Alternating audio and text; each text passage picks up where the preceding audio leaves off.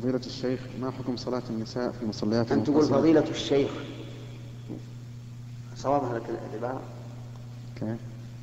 صواب فضيلة الشيخ. فضيلة الشيخ. ها؟ فضيلة الشيخ. بالنصب. طيب.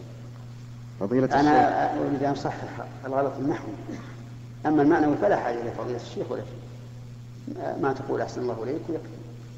نعم.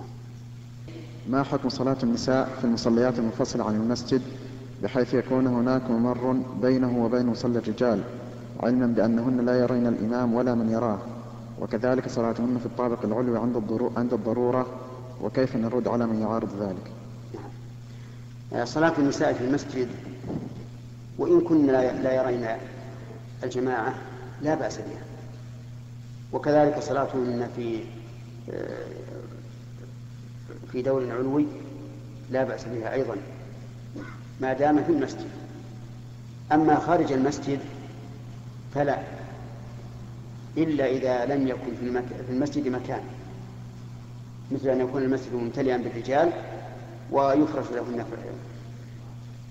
آه، فراش خارج المسجد ليصلين مع الرجال فهذا لا بأس به.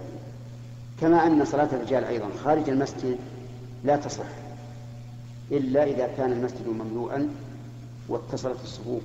بمن كان خارج المسجد فلا بأس نعم.